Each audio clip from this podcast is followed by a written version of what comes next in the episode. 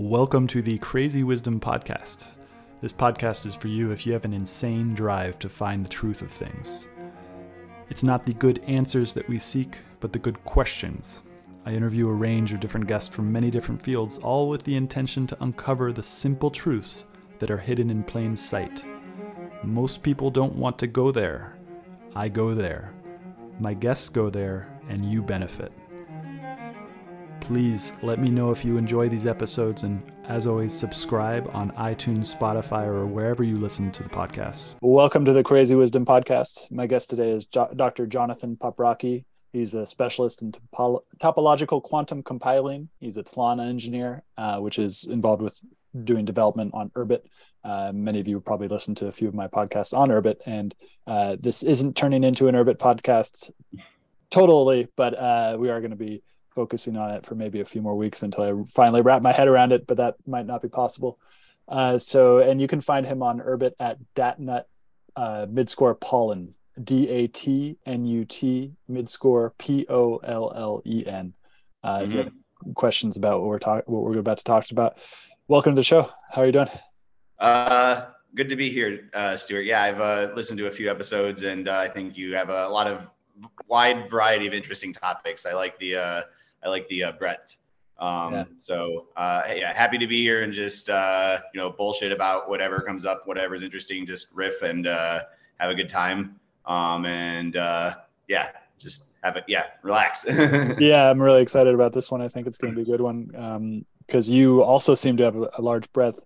Uh, the the things I'm most interested in, and uh, there's almost some hesitation in bringing it up. Like maybe you don't want to talk about it, but you talked, but you you said before in our chat about a Kundalini awakening, and my mm-hmm. um, my big sort of goal in life or weird curiosity is this idea of woo coming from where I lived, where these things are called woo, and a lot of people just don't go there. But then how those things can also relate to science, because woo to me is sort of like a a signifier of fear uh, that oh i don't want to go there i don't want to explore that. But then science is often a compilation of what we know about the unknown. And a lot of like i'm sure galileo or newton would be considered woo to the people you know whatever they had for the translation of woo.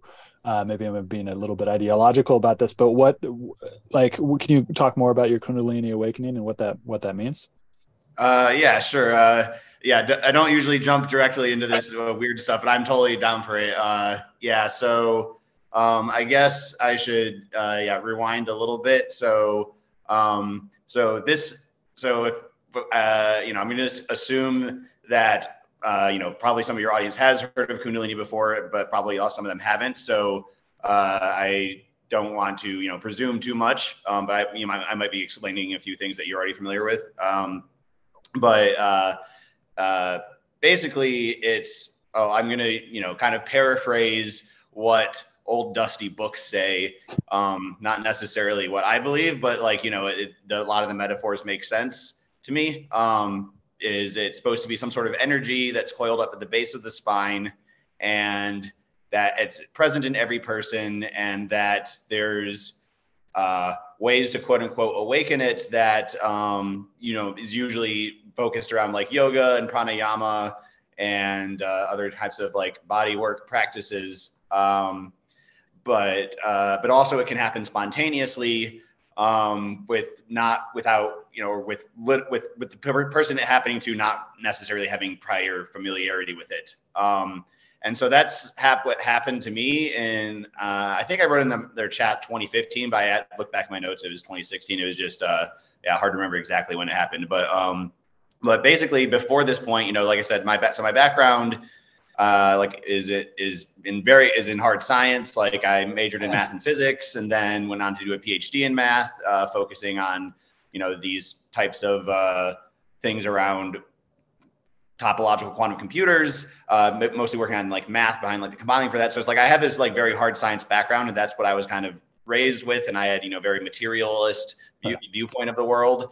Um, and I also pretty much was think, you know, everything can eventually be explained by science. And, you know, I think that the that will gradually start to absorb some of these things from woo but i don't necessarily think that every part of reality at this point uh, i don't necessarily think every part of reality is can be deduced from the scientific method i think there might be just some things that because of some weird wacky things about how the universe works that just the scientific method isn't necessarily going to work for it and i think for things that are sort of like based around internal experiences like maybe kundalini that might be the case and so one of the things i've been like I was pretty secretive about what that happened to me at first because I had actually when it first happened to me, and like I guess let me describe what the experience was like.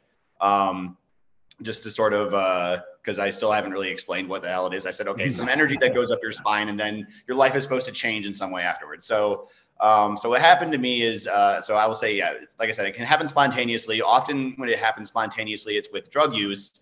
Um, this was the case for me and I won't say which drug or how or what I did or anything like that because supposedly like basically like I ended up in like a manic state for for months afterwards, and that's a really common experience. And so it's like it's dangerous to purposely try to like seek this out.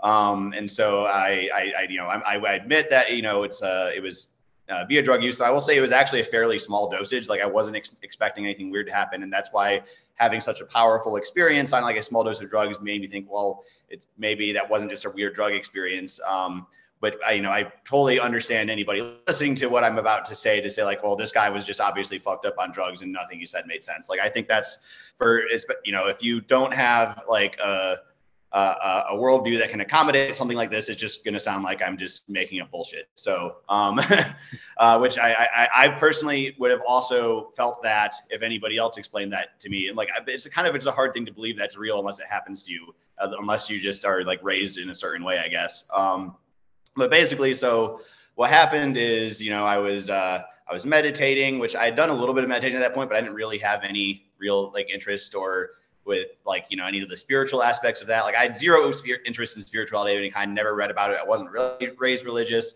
so I'm pretty much totally ignorant about that kind of stuff. And I started well. Basically, I felt this like energy building at the bottom of my spine, um, and I didn't know what it was, but it felt pleasant.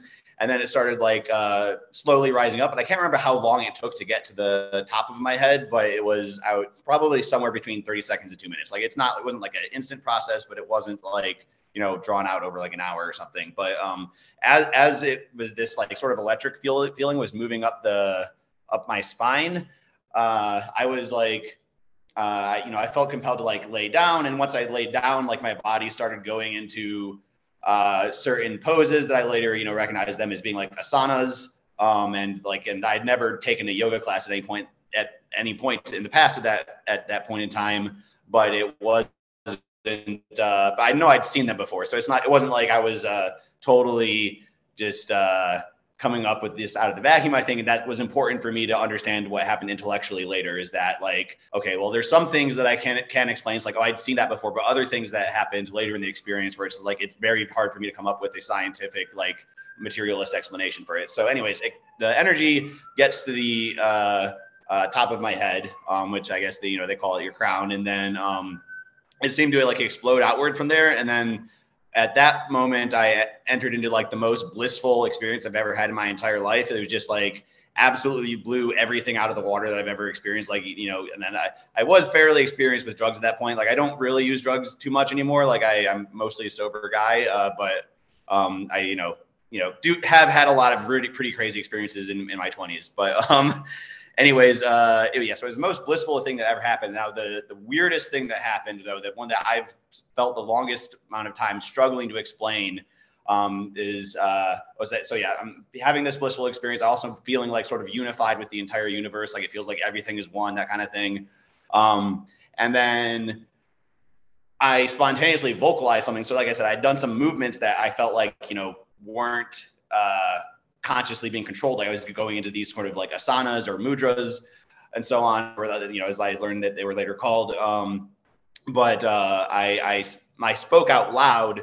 Uh, I am Atman, and Atman being a, a, Sanskrit word. And as far as I'm aware, at that point in my life, I had never heard that word. Um, and which sounds impossible to believe. I don't really necessarily believe it as myself. I like I hung out with a lot of hippies, so I feel like there's a chance that like uh, I just uh-huh. heard it like in passing somewhere. Um, but I had to look up what it meant later. And then after that, I heard a voice in my head, and it's the only time I've ever heard a voice in my head in my entire life. Um, and it was like a female voice, and it said, uh, uh, "This is Maya. You've forgotten who you are." And Maya being another Sanskrit term that I had never, as far as I'm aware, never had experienced before, and or, or was aware of the definition. I had to look up both of these terms, Atman and and and Maya afterwards. And then like Atman, I still don't really know how to explain it. Like Hinduism is is where that concept originates, but it's like I don't know, like every time I try to like learn too much about Hinduism, I just get end up getting really confused. There's just so many concepts. It feels like a hard thing to grasp uh, if you aren't like raised in it. At least for me.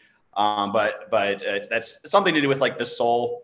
Um, I, mean, I, I know I have I have a bit more about it, but I'm not going to try to explain it in more detail because I know I'll, I'll mess it up. But um, but then Maya was I guess supposed uh, is means like illusion. So and there was this idea in like Hinduism and and and to some extent, you know, a lot of other traditions like Hermeticism and and um, and as I as I learned more about this later and later in life, uh, or later in life, I uh, you know find out this concept that the world is some sort of illusion, that it's not really the I don't know, base level of reality, that there's some other level of reality that we kind of like enter into that we experience as this material universe that we, we're like, so spirits, like having a human experience kind of thing. And that's what Maya is. I don't know that that's one I can explain a little bit better, but yeah, at the time ha- having a very like rigorous scientific background, I had an extremely difficult time explaining what had happened to me. And this, this, I don't know that after those two things happened, like I spent another 15 minutes or so feeling like really blissed out. And then I came back down and, uh, and then there is a, you know, sequence of interesting events that happened after that, but I'll give you a, a moment to you may ask mm. questions or if you want to discuss or anything. Sure. Yeah, it's very interesting. Um, maybe I can give my understanding of Atman. So according to my understanding of Hindu thought and Hindu Hinduism in general has kind of had the label of a religion imposed upon it, but it's a, there's a really interesting development of Hinduism within India, and it's a lot of small groups based on your family lineage that all like fractals basically of religion. Um, and another interesting thing that came about was that Buddhism came out of Hinduism, uh, and then King Ashoka basically established this Buddhist empire uh, and then everybody became Buddhist, and then they started debating again, and the Hindus came out of nowhere again, and then took over all of India again, and Buddhism totally disappeared from India. Um, not totally, but but vast majority of people became Hindu again. Uh, but back to the point mm-hmm. where where like Atman and Brahman. So the the the I believe what Atman is is essentially we have this uh, we have this self with a with a lowercase s, uh, and that's basically the ego, the mind. Um, everything gets filtered through this piece of separation, and then Atman is the experience of being an individual at the same time as being um, uh, connected to the whole, or literally like there is no separation. Um, but then there's a difference between Atman and Brahman because Brahman is like literally the everything that is, um, but we still have. Yeah, I think one of the phrases is Atman is Brahman. That, that's sort of the realization, and I would say that that that was one of the things that I once I learned later what had happened to me and looked up what these terms meant. That that was something that just felt intuitively true. Like I just felt like it was just the most obvious truth in the world that everybody that like you are the same thing as the entire universe, and there's kind of just like one consciousness, and we're like fragments of it and stuff, which are. Um, and I think that's kind of summed up by the saying Atman is Brahman, but that's uh, but I think yeah, you're, you're giving a much better explanation than I would have uh, over with the technical parts of these terms. and so you mentioned the term base layer, um, and I imagine that as a materialist, as I once was as well, that you know the base layer would be just I, what is a what does a materialist actually think a base layer of reality is? Uh, uh, I think they just think it's matter and stuff. Matter, and yes, that, yeah, yeah, yeah. And like you know, and that, maybe there's two different kinds of things like mind and matter and stuff. But that and that that is what I felt at the time. But after this experience, I came around to thinking that sort of consciousness is the first cause, and the material universe is kind of an emergent aspect of consciousness, and that you know it's uh, basically like like I, am a big fan of like the Qualia Computing or Qualia Research Institute idea of, and I don't think they were necessarily the ones who came up with. I think David Pearce maybe was the came with non non materialist physicalism, which is basically saying that the laws of physics describe sort of how Qualia works uh, rather than describing what matter works, and that matter isn't necessarily uh, like a real thing, but it's a, a, useful abstraction that you know ends up. Uh, uh, that the basically materialist mindset has said that well that's what everything is. Everything is just matter and that matter somehow somehow gives rise to to conscious beings and stuff but there's never been a decent explanation for how that works as far as i'm aware. And i find it just mm, you know i had that i felt that this was t- true intuitively when i was having this experience this idea that mind is everything and that the material universe is emergent. But I, you know, I, I want to emphasize that I don't necessarily believe that. Oh, because I had this experience of feeling like unified with the whole universe, and because that th- thing felt intuitively true to me at the time, that doesn't that, that's not good evidence that these things are true. Um, like it's very, you know, and so like that's um, so it's it's really it was took me just years of kind of turning it over in my head like intellectually before I like came up with a uh, sort of mental model for the world where I thought that that, that actually made sense, and that's um, uh, kind of more related to certain like interpretations of quantum mechanics, like um, John Wheeler's, which was Richard Feynman's PhD advisor. He came up with this notion called the participatory universe, which um, at the time it wasn't like a mathematically like rigorous like way to think about quantum mechanics. It was kind of like he had an idea of what it should look like, and then there's like a couple of like um, mathematical formalisms that came out later, like uh, quantum Bayesianism or QBism and uh, relative quantum mechanics that kind of like formalize this. But basically, it, the notion of the participatory universe is that the universe consists of of a bunch of like observers. I don't necessarily say what consciousness is. That's one of the you know frustrating parts of quantum mechanics is that observers and observations are everywhere but we don't know what an observer is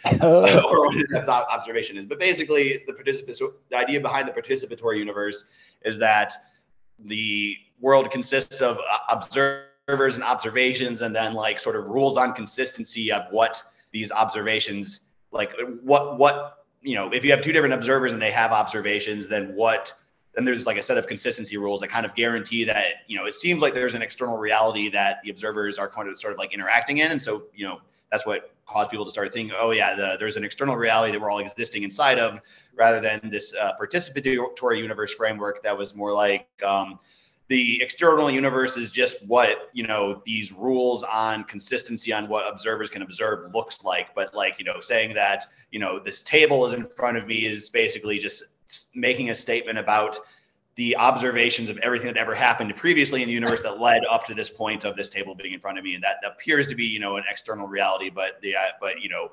um, you might interpret it as saying that well the it's um I don't know. Basically, you know, it's all inside of your head, but you just don't necessarily know how big your head is. Um, and uh, and that, um, interesting. Yeah. So so so that's that's yeah that's where I ended up intellectually after thinking about this for you know several years. And like I said, this is uh, this does have mathematical form formalisms now. Like I, am a big fan of the uh, quantum Bayesianism or QBism. Um, so I, you know if if any listeners want to like look that up afterwards, I would recommend it. But also look up Wheeler's papers on the participatory universe.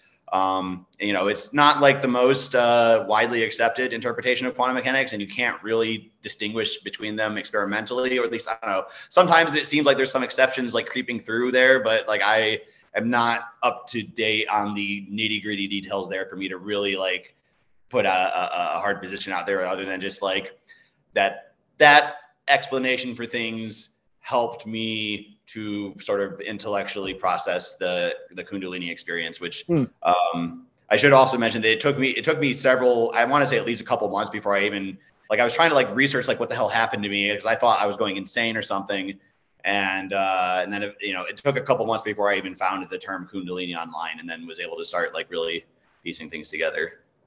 That is fascinating. And you, when did you start studying quantum mechanics?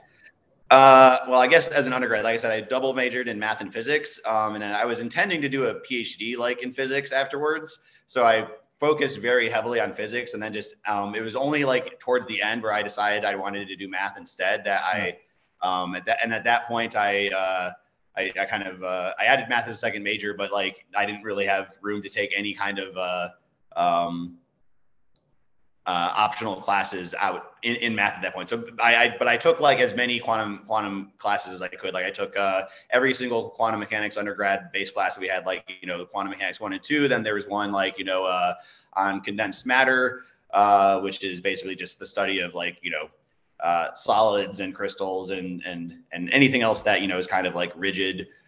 Um, but it's you know study from a quantum point of view, and then like a, was a quantum computing class, and then and then in grad school I also uh, you know even though I went in for for math, I ended up taking like quantum field theory and many body systems and um, quantum statistical mechanics, and so I, I uh, and then but like the field of math that I ended up doing my dissertation in, it's uh, like sometimes it's, it's called quantum topology, and it's basically um, this field of math that comes out of uh, well, a you're studying topology, so it's topology um, you know, I, I, think you've had enough people on here that you might have heard of it before, but just for the sake of our our listeners, um, uh, topology is kind of the study of shapes where you don't care really about the exact geometry of anything, meaning like the exact angles and distances or anything. You only care about sort of like large scale structure, like how many holes it has. So the you know go-to example that topologists always give here is that a topologist can't tell the difference between a coffee mug and a donut because you can just imagine continually deforming like a coffee mug into a donut and a topologist says that, well, if you can continually deform one shape into another, then we kind of consider them to be the same thing. and then, uh, and then uh, quantum topology is basically taking ideas that came out of quantum field theory and using them to study uh, these topological problems, which um, a lot of mathematicians that kind of just do this for its own sake. They actually don't even necessarily have a physics background. Um, and it's there because it's actually fairly like it's fairly far separate from physics at this point. There's just aspects of it that just have no analogy in physics, but they're just kind of mathematical tools. Um, but it originated uh, with the invention of something called Chern-Simons theory uh, in 1989. Is 1989? Um, I don't know. It was in the late 80s, I think. Edward Witten, who's like this uh, very highly cited uh, mathematician and physicist, like he's the only math. He's the only real physicist that's won like the Fields Medal. Um, and uh, but he's mostly famous for string theory, but he's also invented tons and tons of other stuff. Like so, he invented this first this thing called Chern-Simons theory, which was the first so-called topological quantum field theory. Um, and that was ba- basically I don't know, and I can I can go into and explain what what more about what quantum topology is and that kind of stuff. Um, but uh, but yeah, that's kind of where I ended up. Is that like so? One of the things that people don't uh, that are outside of this field don't necessarily uh, know about very widely is the difference between sort of uh, theoretical physics and mathematical physics. Um, and kind of theoretical physics takes place in physics departments typically, and they're trying to understand the actual real world. Um, mathematical physics is typically studied in math departments and is uh usually stealing ideas from physics and trying to solve math problems with them, uh-huh. or sometimes coming with mathematically rigorous models for physics. But like the go-to example, the thing that the, the thing that made me switch into math, the uh, so I think I can almost consider it a cognitive hazard, but like you know, it's it's a good one. um, is there's something called, and, and this is just a abstract mathematical model, just not like a real like physical system, but there's something called a primon gas that you can define, and basically a primon is a particle like it's considered like a quantum particle whose can only take energy level energy values that are the natural log of prime numbers. And why it's natural log and not just equal to prime numbers is it kind of is just it makes things more uh, it makes the equations work out better. But it, what's interesting about this is you can imagine a gas of these particles and then start studying their properties, like you know, like how does the entropy change with respect to temperature and that kind of thing, and actually determine or, or prove theorems about the prime numbers based off of the behavior of this kind of uh, uh, this primon gas, which doesn't exist in the real world, but you can you can invent it and then study. Okay, well, if it did exist, how would it behave? Mm. And then you can go on and use this to prove theorems. And I just thought that was so fucking cool. And so I was like, well, all right, well, I, I still I can still do do physics, but I can don't have to be connected to the real world anymore. so mathematical physics kind of has more um, more I kind of opportunities for creativity, I think, in some ways than theoretical. Creativity unbounded. You aren't kind of to just yeah. saying how the real world works. Unbounded creativity, unbounded by the natural laws of the universe, basically. yeah, pretty much. um, I've been reading this book, Fall, by Neal Stephenson. Have you heard of it before? Fall. I've heard of it. I've not read it. So it's really interesting. It was actually suggested to me by another someone someone else who works at Tlon. Uh, and it is really interesting because it basically takes this idea of actually quantum computers and says, okay, well, if we scan the physical brain and the physical body and take it down and then put it onto a quantum computer and then process it and then recreate a virtual world where it's like almost identical to the real world or could be almost identical to the real world um, and then in the book it ends up just being a re- recreation of the physical of the of the of the world that we inhabit um, inside of another universe but that was an accident. And that you know a lot of people in the characters in the novel start asking well what would happen if the, we didn't have these these rules? Uh, what would it look like? And it sounds really similar to sounds like a book that you might might might be interested in reading because it oh, yeah, for sure. brings in all that stuff. Um so okay so so you were already studying the quantum mechanics quantum um uh the field of what is it the quantum physics? Yeah so you, were studying the math behind quantum physics and then you had this kundalini awakening type of situation that makes you mm-hmm. ch- change your understanding of base reality. Um, do you come across a lot of kind of new age thought people at all who invoke quantum theory or quantum mechanics as a, a, a, means to understand spirituality? And when you do come across them if you do how often are they accurately speaking about it? Like 90% yeah, that, that's a great question. Yeah and this is a, a very tricky territory to step around in. Um, so i want to be really careful with my choice of words. Uh, you know, because I think there's a lot of people who go from, all right, this is a mysterious thing, and quantum mechanics, this is a mysterious thing, so they must be related somehow.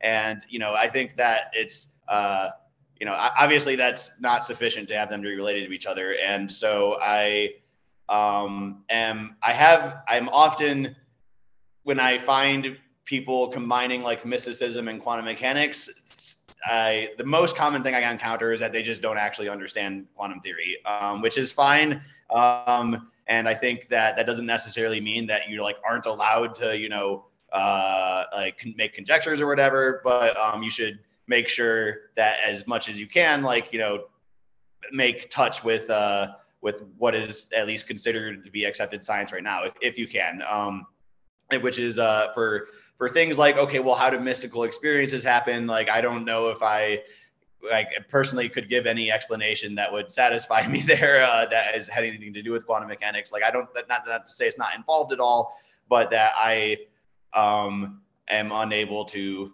really connect those dots directly at this at this point in time other, th- other than through the what i mentioned already with the participatory universe stuff that um, and uh, but but I have uh, not to say that there's nothing out there that is worthwhile reading here. Like um, I do think that there are a handful of really mm-hmm. um, intelligent people out there who have you know both had some sort of you know possibly some weird mystical experience or maybe they were just always interested in it that like kind of like had to make them start re-examining their like you know priors about the world. Um, that also happened to have you know a lot of training in math and physics and i've met at least like uh, a couple of mathematicians and physicists who who have had kundalini experiences and they had like kind of similar sort of like uh, journeys there.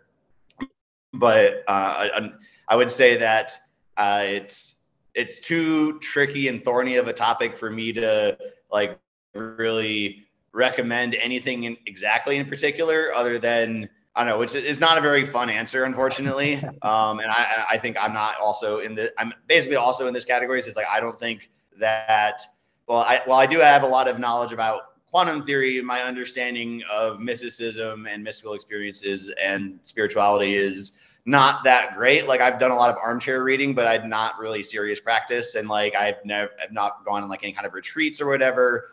Um, and I do meditate on and off, but like it's uh, like I feel like I need to develop.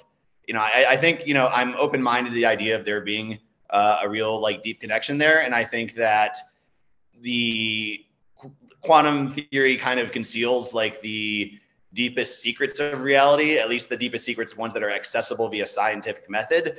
Um, and this is actually something that Wheeler wrote. I'm kind of paraphrasing uh, Wheeler uh, as I uh, I actually quoted him on this in the uh, at the start of like my dissertation.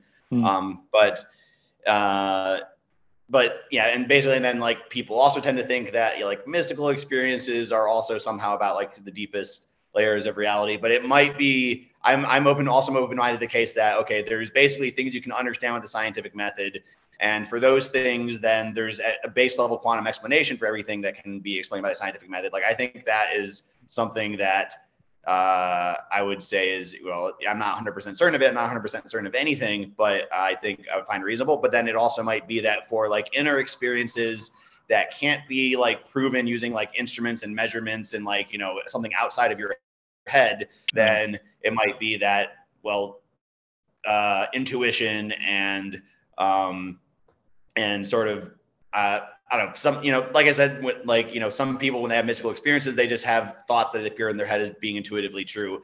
And maybe for inner experiences, that's basically the only type of method that you have. And, and I, I think what a lot of scientists, uh, reason they never form any kind of interest in those sort of inner experiences because it's not accept- uh, accessible via the scientific method. And because of that, they also think, well, that it can't be correct then. And, um, and so like so for like going back to when you asked about like woo at the start, I don't think I really directly addressed uh, your question.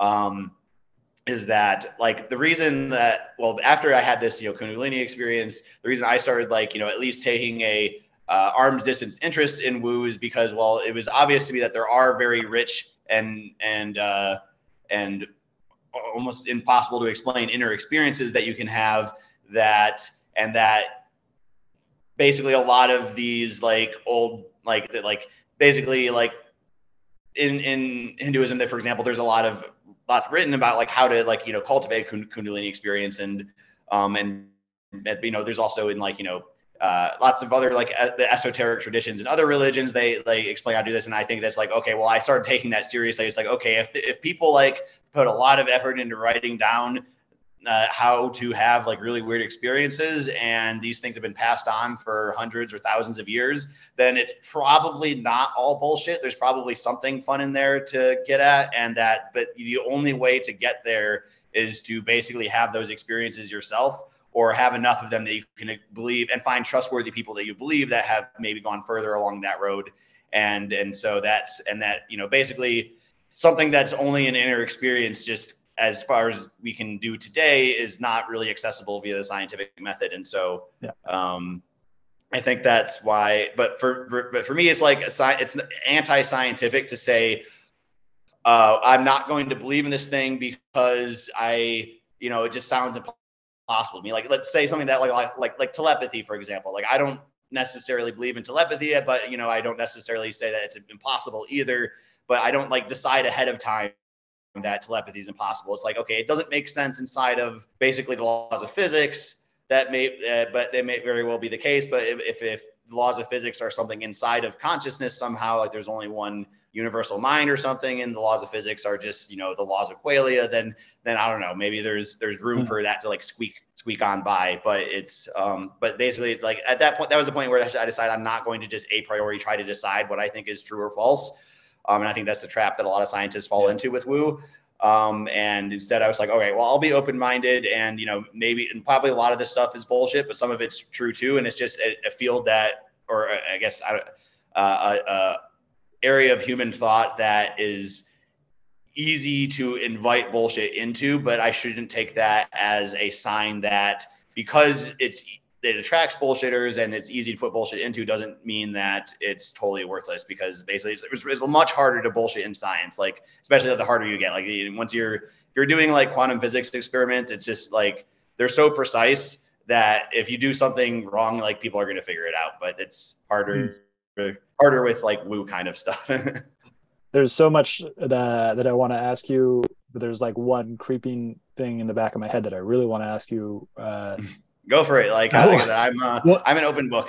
well, and but the, the, that question is totally unrelated, so it's going to be a, a very very strong thing. I do want to just mention this this thing you mentioned at the end, which is um, that it's the current scientific paradigm, or a lot of the actors in the current scientific paradigm are starting to be dogmatic about what science is before uh, what, what science currently is as opposed to what science um, could be.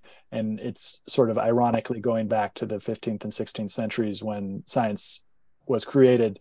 uh, and was confronted by the dogmatic religious institutions that said, "Oh no, you can't think about that way because that's that's that's what God said, and God said mm-hmm. that." So you, you and, yeah, yeah, absolutely. there there are a lot of scientists that fall into that trap. I don't think that's necessarily new either. There's like a, oh, a saying that goes back for a long time. That basically like science advances at the rate that like the oldest people die or something. Yeah. it's like so, uh, and and so before, but then uh, okay, so but you're you're now okay. So how did you end up at um, Tlon? Uh, yeah, so that, um, so I was really interested in peer-to-peer technology, like while I was in like college and grad school, but like I was more interested in, in, in math and physics. So it's like, it was just kind of a side interest, but like, you know, I first got into like Bitcoin in like 2011. Uh, unfortunately, I did not understand it well enough to keep any of it. I like I remember uh, like gambling away like 20 Bitcoin on some gambling site when it was worth like four dollars each or something. It was like, well, this isn't. I don't know what to do with this.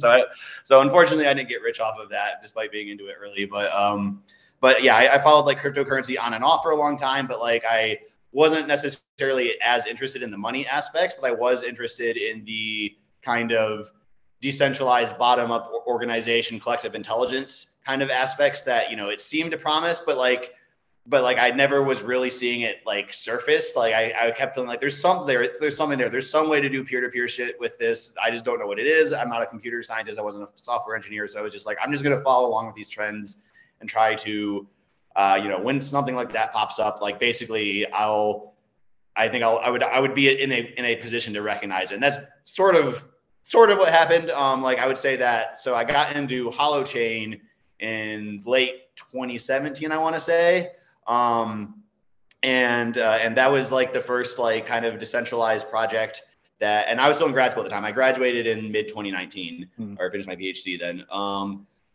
um, but yeah, so I, I found out about Holochain 2017 and like I thought this, okay, this was sufficiently different from blockchains that it was like, okay, it's running on decentralized hash tape, uh, distributed hash tables and mm. kind of like combination of DHTs and Git and um, and like and then like uh, uh, hash chains, but which you know hash chains are also involved in blockchains, but they aren't uh, they aren't. Uh, uh, but you know, it's, it's, a lot more than that. So basically, I, I saw I saw this, and I, there was some convincing demos at the time. Like there was a uh, I want to say this came out in late 2017. There was like a decentralized Twitter thing that came out. Like it was just a really, really crude thing. Like it was uh, like the interface was garbage, but like the fact that I would knew I was running a node, I knew there wasn't a centralized node, and that like tweets were being somehow shared between this, uh, I found it incredibly exciting because I was at that point unaware of anything else that was working like that. So um, the summer of 2018, I ended up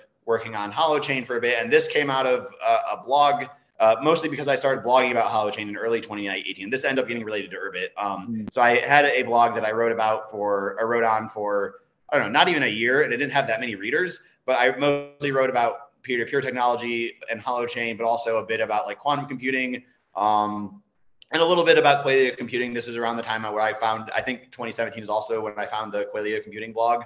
Um, and uh, and actually, I, I know you've had uh, uh, Andres uh, Emilsson on your show before, um, and I also happened to meet him that year. But anyways, I'm getting off traffic tra- topic. So uh, I wrote, I think, some fairly uh, speculative pieces about the intersection of decentralized computing and quantum computing, um, especially with regards to uh, how they might intersect inside of like biological organisms. Because I was actually at the time very interested in uh, naturally inspired types of computation. Um, huh. And I can get I can get more into that. Like you know, there's uh, there's because there's this idea of like quantum biology where we know that there's some aspects of, of yeah, quantum physics that are absolutely necessary for biological processes to work and then we also know that the you know multicellular organisms are kind of like big distributed computations like cells can send typed messages to their neighbors um, they, there's like uh, the you know they're, they're, they're you know, they, they can do things some like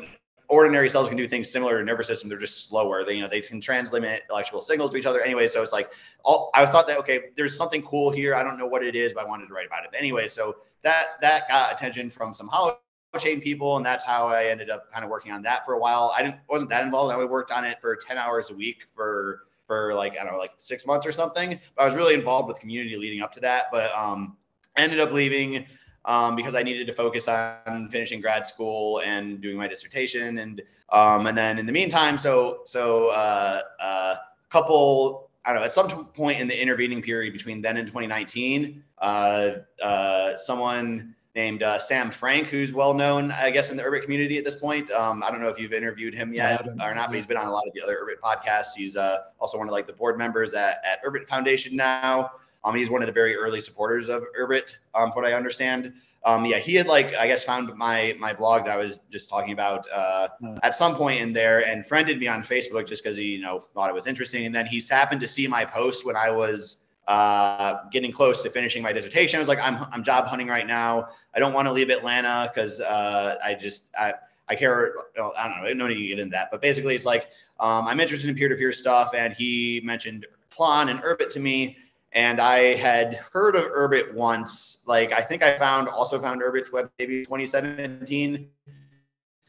Like I spent 20 minutes on it, and I don't think I understood what it was about. Um, I just kind of bounced off. So I was just like, and at that point, like I was looking into all kinds of crypto projects, and I just, you know, if I didn't understand what they were about after 20 minutes, I just moved on. That was just kind of my rule, because otherwise, you can spend a minute, infinite amount of time like researching something that's nonsense and there's a lot of nonsense in, in the sector. So, um, yeah, so he told me about Urbit, and at the time, uh, and Tlon was hiring someone to work on documentation, and th- that was actually kind of ideal for me. Like I was like, um, was like, so I did like, uh, because you know my background was I was studying quantum computers, but it was from an entirely theoretical point of view. Uh, like I didn't write any code, so it's and I did write a lot of code like as an undergrad, but it had been a long time, so I was super super rusty on on coding and software. But I wanted to get into software, and so I thought actually that starting off with documentation would be a good way to sort of slowly reintroduce me to programming because uh, it'd been like seven or eight years or ten years since I had done any serious programming, and uh, and so I yeah I started off writing documentation for like a year, a year and a half, but then I've slowly trained. I started doing the engineering, like software engineering, like about uh, half half time for the year, and then like for the past year, I've been doing full time engineering. So I kind of made the transition to uh, working on like the kernel, um, and I also uh, been working on the Hoon language itself. Like I made this system called uh, doccords that's going to be released soon. Then that's like if you've ever heard of doc strings, this is kind of like doc strings for Hoon, where it's like you can like sort of the comments get attached to the code that you're writing them around in such a way that makes them so you can like index it and like easily look it up oh, rather cool. than like having to like read comments directly and allows them to kind of like glue together. It's like I have like this complicated widget that's made of three other widgets. And I ask my computer, what is this widget? And it can tell you, oh, uh, the comment associated with the widget, but also the three component widgets or something. So it's like allows you to like, you know, put these comments that might be all across the code base and like find them in one spot. But um, then I also worked on uh, testing for the layer two thing solution that was released in February of this year. Um, so I'm, uh, yeah, I have, I'm slowly building up my my software engineering skills. Um, I have a lot of weird theoretical ideas uh, and mathematical ideas on stuff to do with Urbit. Like I have an, I have a new blog now. It's uh, um, or I've written some of them at. Maybe you can put them in the show, put to put it in the show notes. Um, but like I have, I have a few ideas about sort of like kind of peer-to-peer systems that don't really make sense in a server client paradigm. Like we have like chat right now, it's like basically a peer-to-peer imitation of like, you know, chat servers like Discord or whatever. But like, you know, I think there's a large space of programs out there that just don't have any analogy in the server client world. And so some of the things that I've studied like in math and physics, I think especially with like like things like condensed matter and like emergent behavior and like, you know, large like quantum systems of like, you know, like like these uh, there's something called like the quantum Hall effect that I wrote about in there that that comes gives suggests an idea for like a kind of uh, timekeeping system across Urbit. Mm. Um, anyways, I don't know. I, I don't want to get too into the weeds there, but um, um, but yeah, basically there's I have, a, I have synthetically would be interested in pursuing further inside of Urbit, but like I'm there's an impedance mismatch with between that and my software engineering skills at the moment. So I still need to like level up my software engineering bit for a while longer until it can kind of uh, you know match where my weird theoretical ideas are. uh, so what are some differences between i mean it sounds like you might not have that much experience but what are some differences between writing software for external applications um, and, and, legacy internet within Urbit versus say writing software in an imperative programming language or and navigating Facebook's API. And if that didn't make sense, I can rephrase it, rephrase it. Uh, you know, that, yeah, that makes sense. So unfortunately, I can only really answer this question from kind of secondhand knowledge because, like I, like I said, I hadn't done much programming outside of Urbit in the past. Um, but I do think, but I, have absorbed enough talking to like you know other people on the network and coworkers that I think I can at least give uh, a bird's eye level, you know, answer that question. Um, so the difference, you know, all right. So uh, where's the right place to start here? Um, so yeah, there's, there's so many starting places. I think I just, just got to pick one. Um, uh, all right. So writing like in terms I, of I, I, have, I have yeah. sorry, what? In terms of ease or in terms of like uh, what I'm really trying to get at is is I want to I want to start learning Hoon. Who everybody tells me don't pick Hoon as your first programming language uh, because it's so complicated. But then I but it seems like all the programmers that I hear talk about Hoon say it's like a, a release of the stomach, a release of the tension when working with it because it, it despite the complexity, uh, it, it, makes more sense than previous mm-hmm. paradigms. Is that an accurate intuition?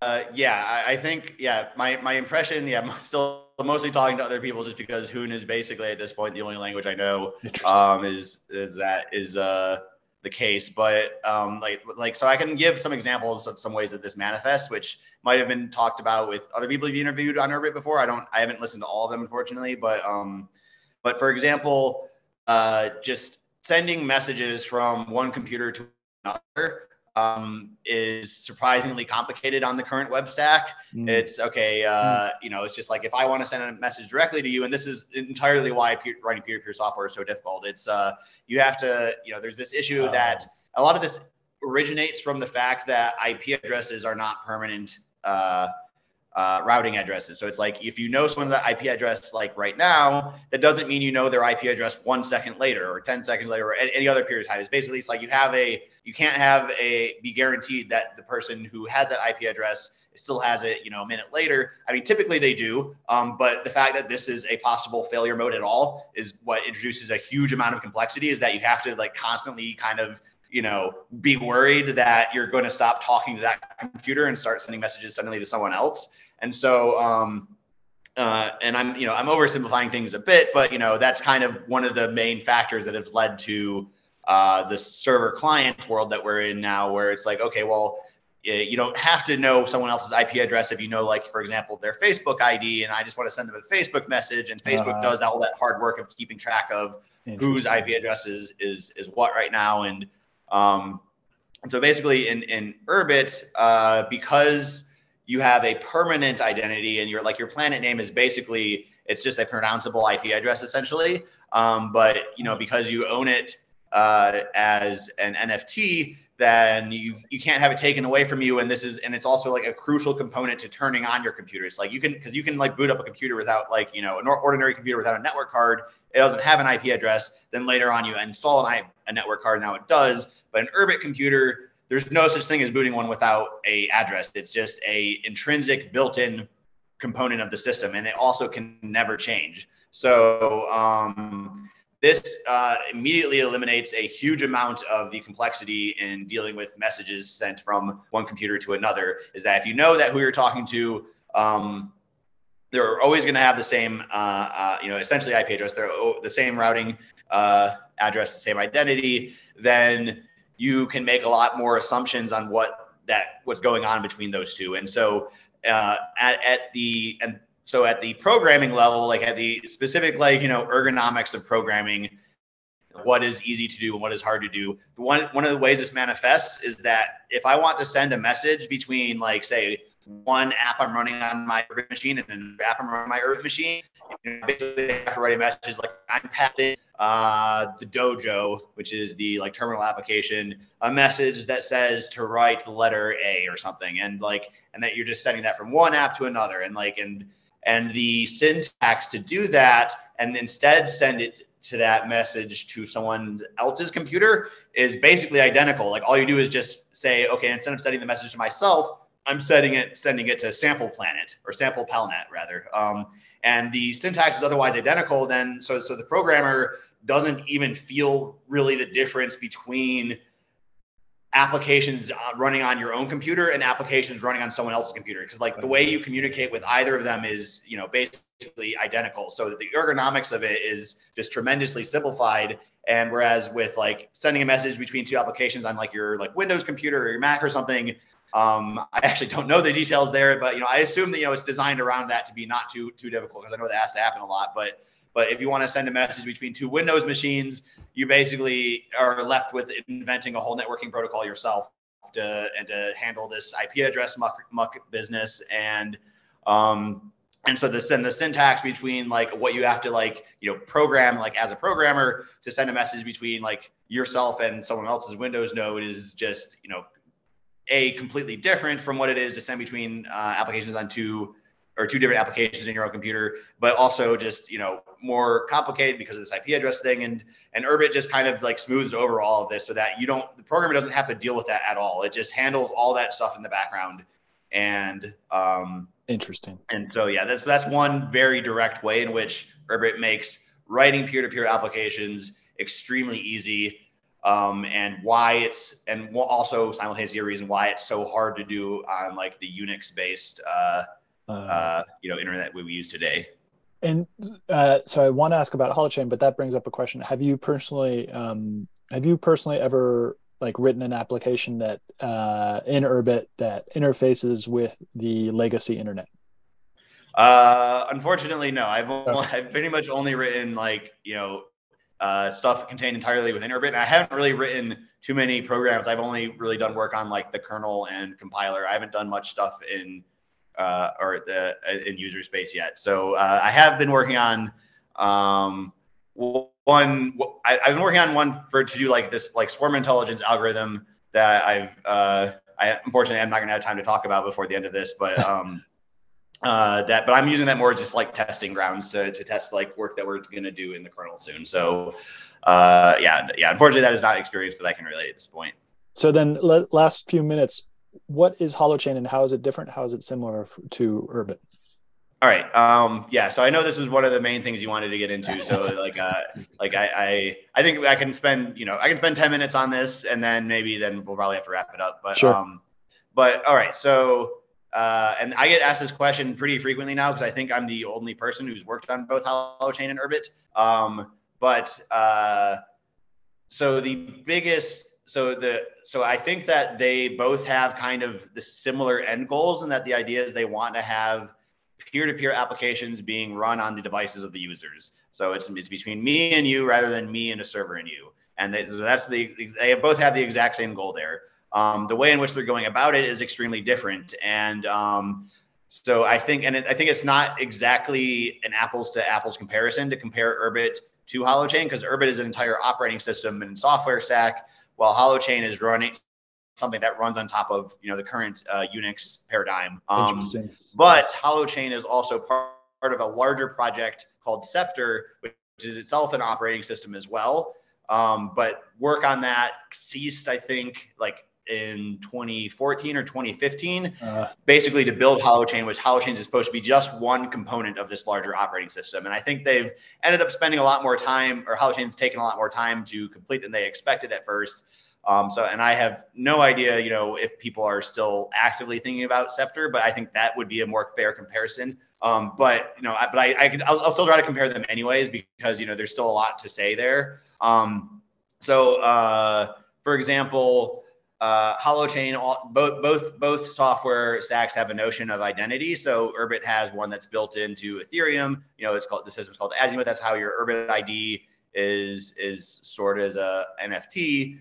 Um, and uh, and then Holochain has a system called uh, DeepKey, which is a Holochain app that also kind of registers identities and associated public keys, and it's running inside of Holochain. Um, and uh, but they are different in some key ways. So, for example, like Holochain, you know, is uh, it can't enforce uh, global um, uh, global consistency, global state, um, and that's which means that a lot of programs have to be thought of very differently. Like so, so like earlier in the blockchain days, people were saying, "Oh, we're going to put everything on blockchain. We're going to put Twitter on the mm-hmm. blockchain. We're going to put all mm-hmm. social media on blockchain. Every single one of your posts is going on the blockchain or something." And then people figured out over time that that's not really realistic. There's these data availability problems. There's the problem that it costs money to put stuff on a blockchain, and there's like a huge uh, there's a user interface problem.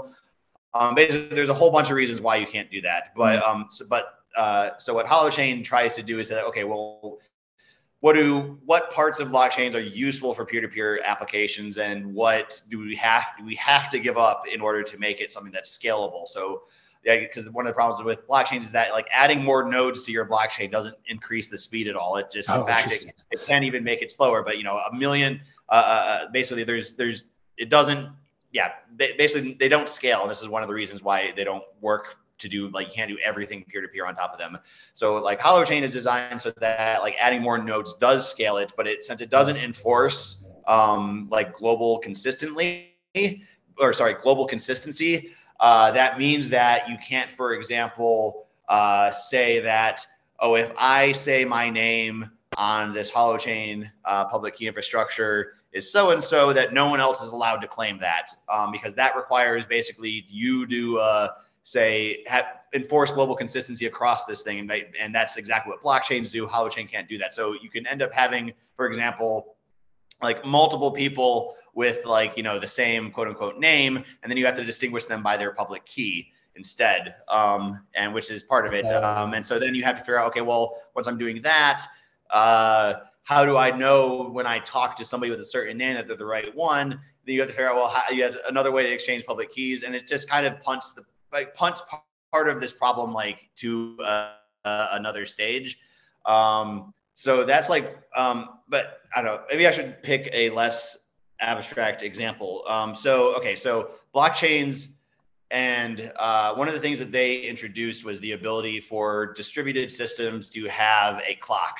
Um, and like for with Bitcoin, it's like whoever produces whoever produces the block says you know the timestamp of every transaction inside of it. And you know the way this is works is kind of like time by dictator. The block creator can actually say they receive these transactions whenever they want because they actually different potential block creators might have received those transactions at different times. So there's not really a 100% everyone can say that this ha- happened at exactly this time. Block producer actually has to be the one that, that kind of says oh i'm going to say that happened at this time. That's just the time that everyone's going to agree on. Um, so this problem of time and distributed systems uh, is plagues like uh, I don't know. Just, it just turns up in a lot of places. And so inside of like Holochain, because it doesn't have this sort of global consistency, it doesn't have timestamps that everyone can agree on. So with something like the Twitter clone, which I think is called Clutter, which is like you know a horde of cats or herd of cats or something. Um, basically, it's like because you just uh, see messages in the order that you personally received them, it, they might appear in a different order than what other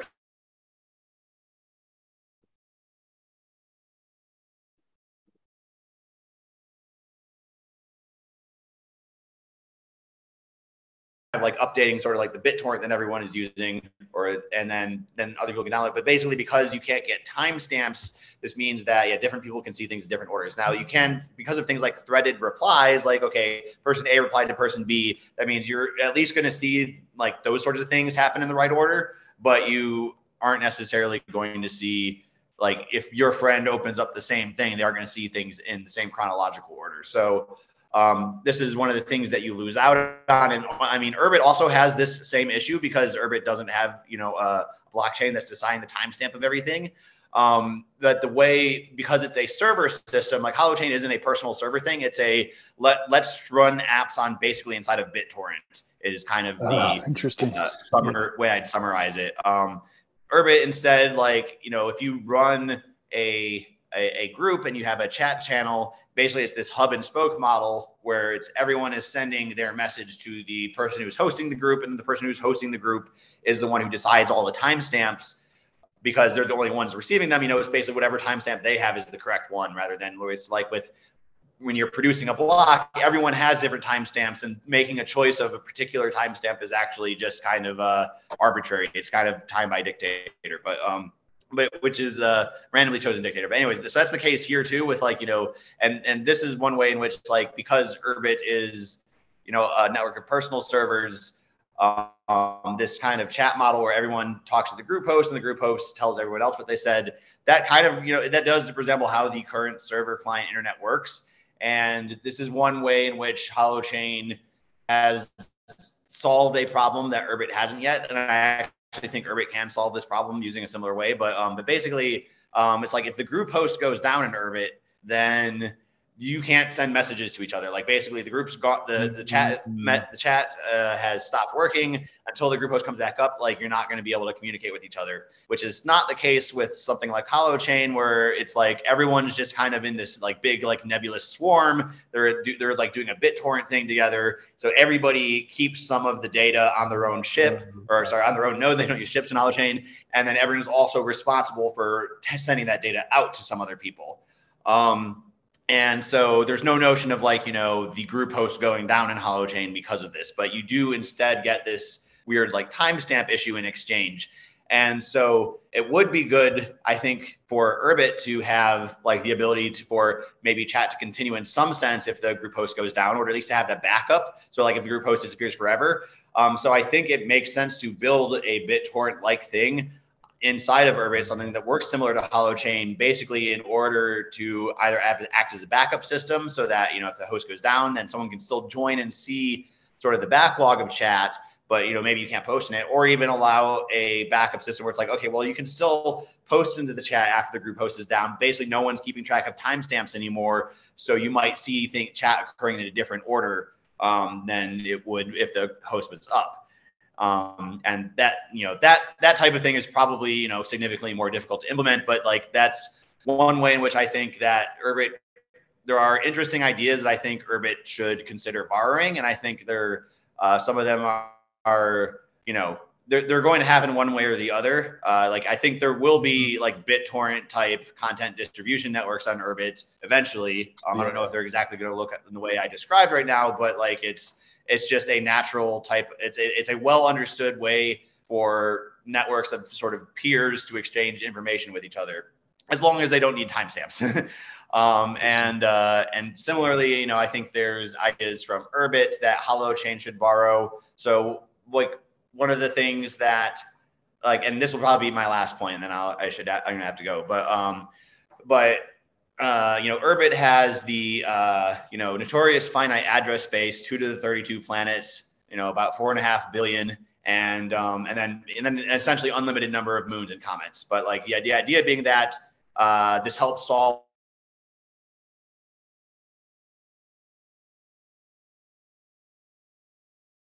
when you can generate so low that almost all traffic is going to be spam. Um, that's what happened with internet, or sorry, that's what happened with email. Email is theoretically a peer-to-peer technology, mm. but because you can generate, you know, an infinite number of email addresses at an infinite number of like just IP addresses basically forever, that almost all email is spam. And so if you run your own email server, then Google's going to assume you're a spammer and they'll just block you. Um, so uh, the only way around this is to have some sort of enforced scarcity. You have to either enforce scarcity in the sense that only a finite number of you know accounts can ever be made or you have to like pass a test to prove you're not a bot like you know a captcha or something um, like any of th- these ways to introduce scarcity are kind of the same thing as Urbit's finite address space. So it's like, you know, if, if there's some way in which you're blocking spam, that means you are taking away the ability to generate an infinite number of accounts for free. And that means you're enforcing some sort of artificial scarcity. So it's like, I usually think artificial scarcity is a bad word, but, uh, or bad uh, phrase, but like, um, but in the context of spam prevention, there's not really a way around it. It's like if you have if you don't have artificial scarcity, then spam is going to be a problem. So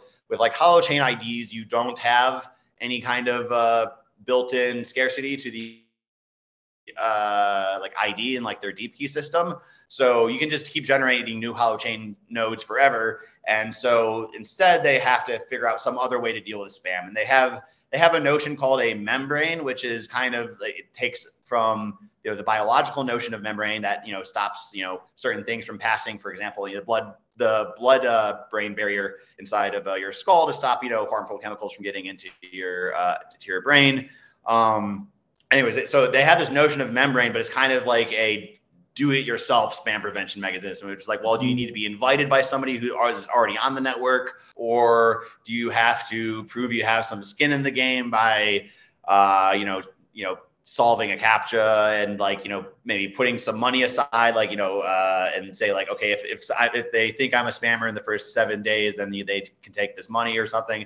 Uh, basically there's a, a lot of different possible solutions in there but um, there's nothing like necessarily built in. And so this uh, so using not necessarily like urbit id but something like urbit id an nft type you know id type thing might be a sensible option for a holochain as another you know tool in their tool belt of possible spam prevention methods. When I, and I, think also Urbit is going to end up with more of the spam prevention methods too in the future as well. Like the the the scarce ID is a is a start, but there's lots of types of spam and lots of types of attacks and scarce IDs. And Like a, a spammer or something isn't necessarily always trying to make money.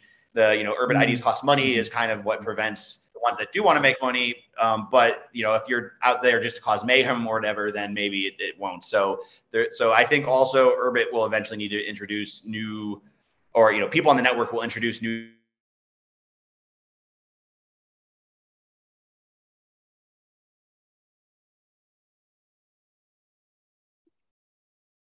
point over the Lightning Network or something, basically, or um, or you know, there's a whole bunch. Basically, all the range of possible solutions I think are available to both Urbit and Holochain. They just kind of are starting from a different location, and they can both uh, could borrow from each other in this point. But I think where Urbit is at today with spam prevention is perfectly fine.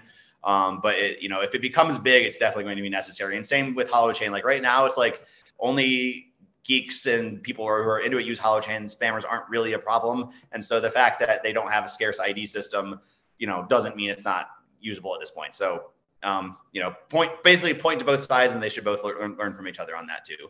Hmm. Cool. Well, thank you so much for coming on the show. Uh, you can mm-hmm. find mm-hmm. Dr. Jonathan Paprocki on on Urbit at uh, Datnut Pollen, D A T N U T midscore P O L L E N. Um, and uh, what is your blog? And, uh, and if you don't have the link now, I can just I'll find it later. Uh, yeah, I'll just pull it up. Um, see, it is hosted on my Urbit. I use the Studio app. So uh, let's see, let's make sure it actually loads because they, uh, it, I'm not sure that, that this app was updated for the re- latest release yet. Okay, it doesn't look like it's loading right now, but probably they'll fix that soon. But this is the, the address. It's called uh, Discordia. Um, but it's just yeah, it's just hosted on my, directly on my own Urbit. Um, cool. Discordia. I will put that in the show notes. Uh, thank you so much. Great. Thank you very much, Stewart. I had a great time. Yeah. Thank you for listening, and I hope you enjoyed this episode. As always, you can find me on Twitter at Stewart Alsop III. Also, don't forget to subscribe on Spotify or iTunes for every weekly episode that I publish on Monday mornings. Hope you have a great day.